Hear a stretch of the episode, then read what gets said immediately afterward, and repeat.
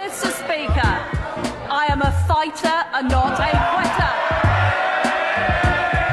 I have therefore spoken to His Majesty the King to notify him that I am resigning as leader of the Conservative Party. Opplysningen. Vi trekker oss ikke. Jeg lover. Det stemmer, vi trekker oss ikke. Um, her på Nova, Radio Nova så hører du fortsatt på Opplysningen 99,3.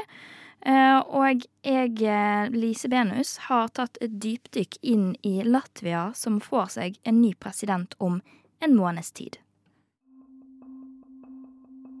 Om under en måned skjer det noe historisk i Latvia.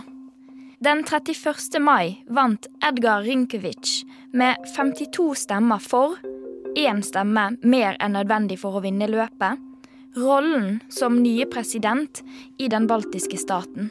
Og med et pennstrøk får Latvia den 8. juli sin første åpent homofile statsleder, som òg er den første åpent homofile statsoverhodet i de baltiske stater, og en av de få skeive overhodene i Europa generelt.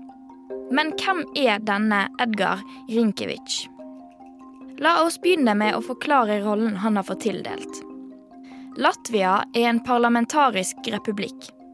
Det vil si at de har et parlament hvor det sitter 100 mennesker som velges for fire år av gangen. På samme måte som regjeringen velges her i Norge.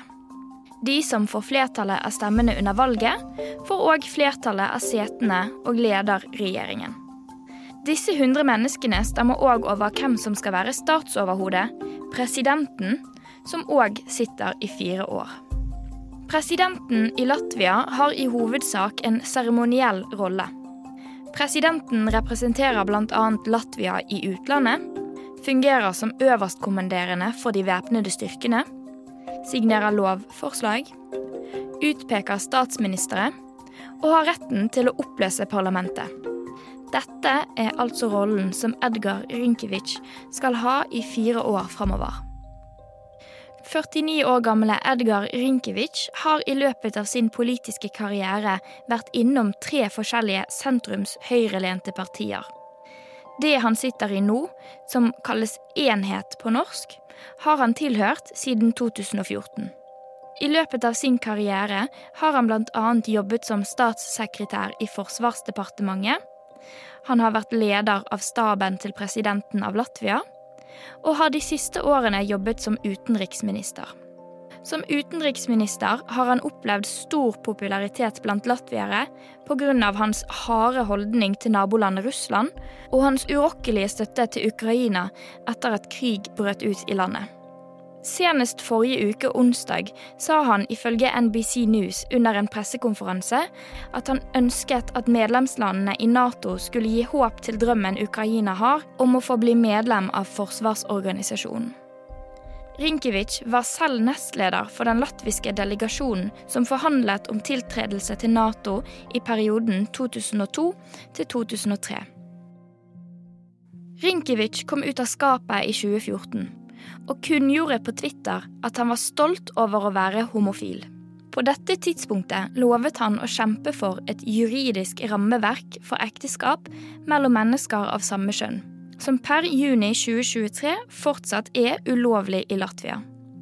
Holdninger til homofile og andre med ikke-heteroseksuell legning har historisk sett vært mindre akseptert i de tre baltiske nasjonene Estland, Latvia og Litauen enn i Vest-Europa melder The Washington Post. I Latvia er det ulovlig for skeive ekteskap mellom to av samme kjønn, men det er mulighet for en sivil forening gjennom registrering i forvaltningsdomstolen siden 2022. Det er ikke det samme som ekteskap, men det gir par av samme kjønn noen av de samme rettighetene og pliktene som et tradisjonelt ekteskap ville gjort. Kampen for de skeives rettigheter er viktig for både Rinkevic og hans parti Enhet. De kom med lovforslag i 2015 og 2018 hvor de forsøkte å gjøre ekteskap mellom to personer av likt kjønn lovlig. Utfordringen ligger i hovedsak i en grunnlovsendring fra 2006. Denne sier at staten skal beskytte og støtte ekteskapet, en forening mellom mann og kvinne familien, foreldrenes rettigheter og barnas rettigheter. Det er dette som ble referert til da lovforslagene fra 2015 og 2018 ble stemt ned.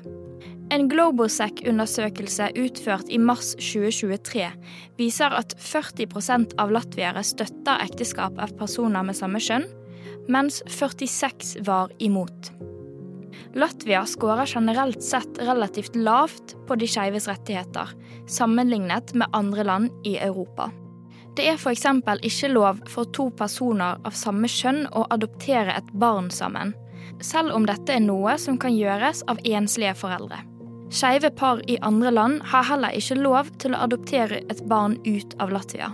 Lesbiske par kan imidlertid få tilgang til IVF-behandling og assistert inseminasjonsbehandling for å få barn. Kampen for de skeives rettigheter i Latvia er ikke over.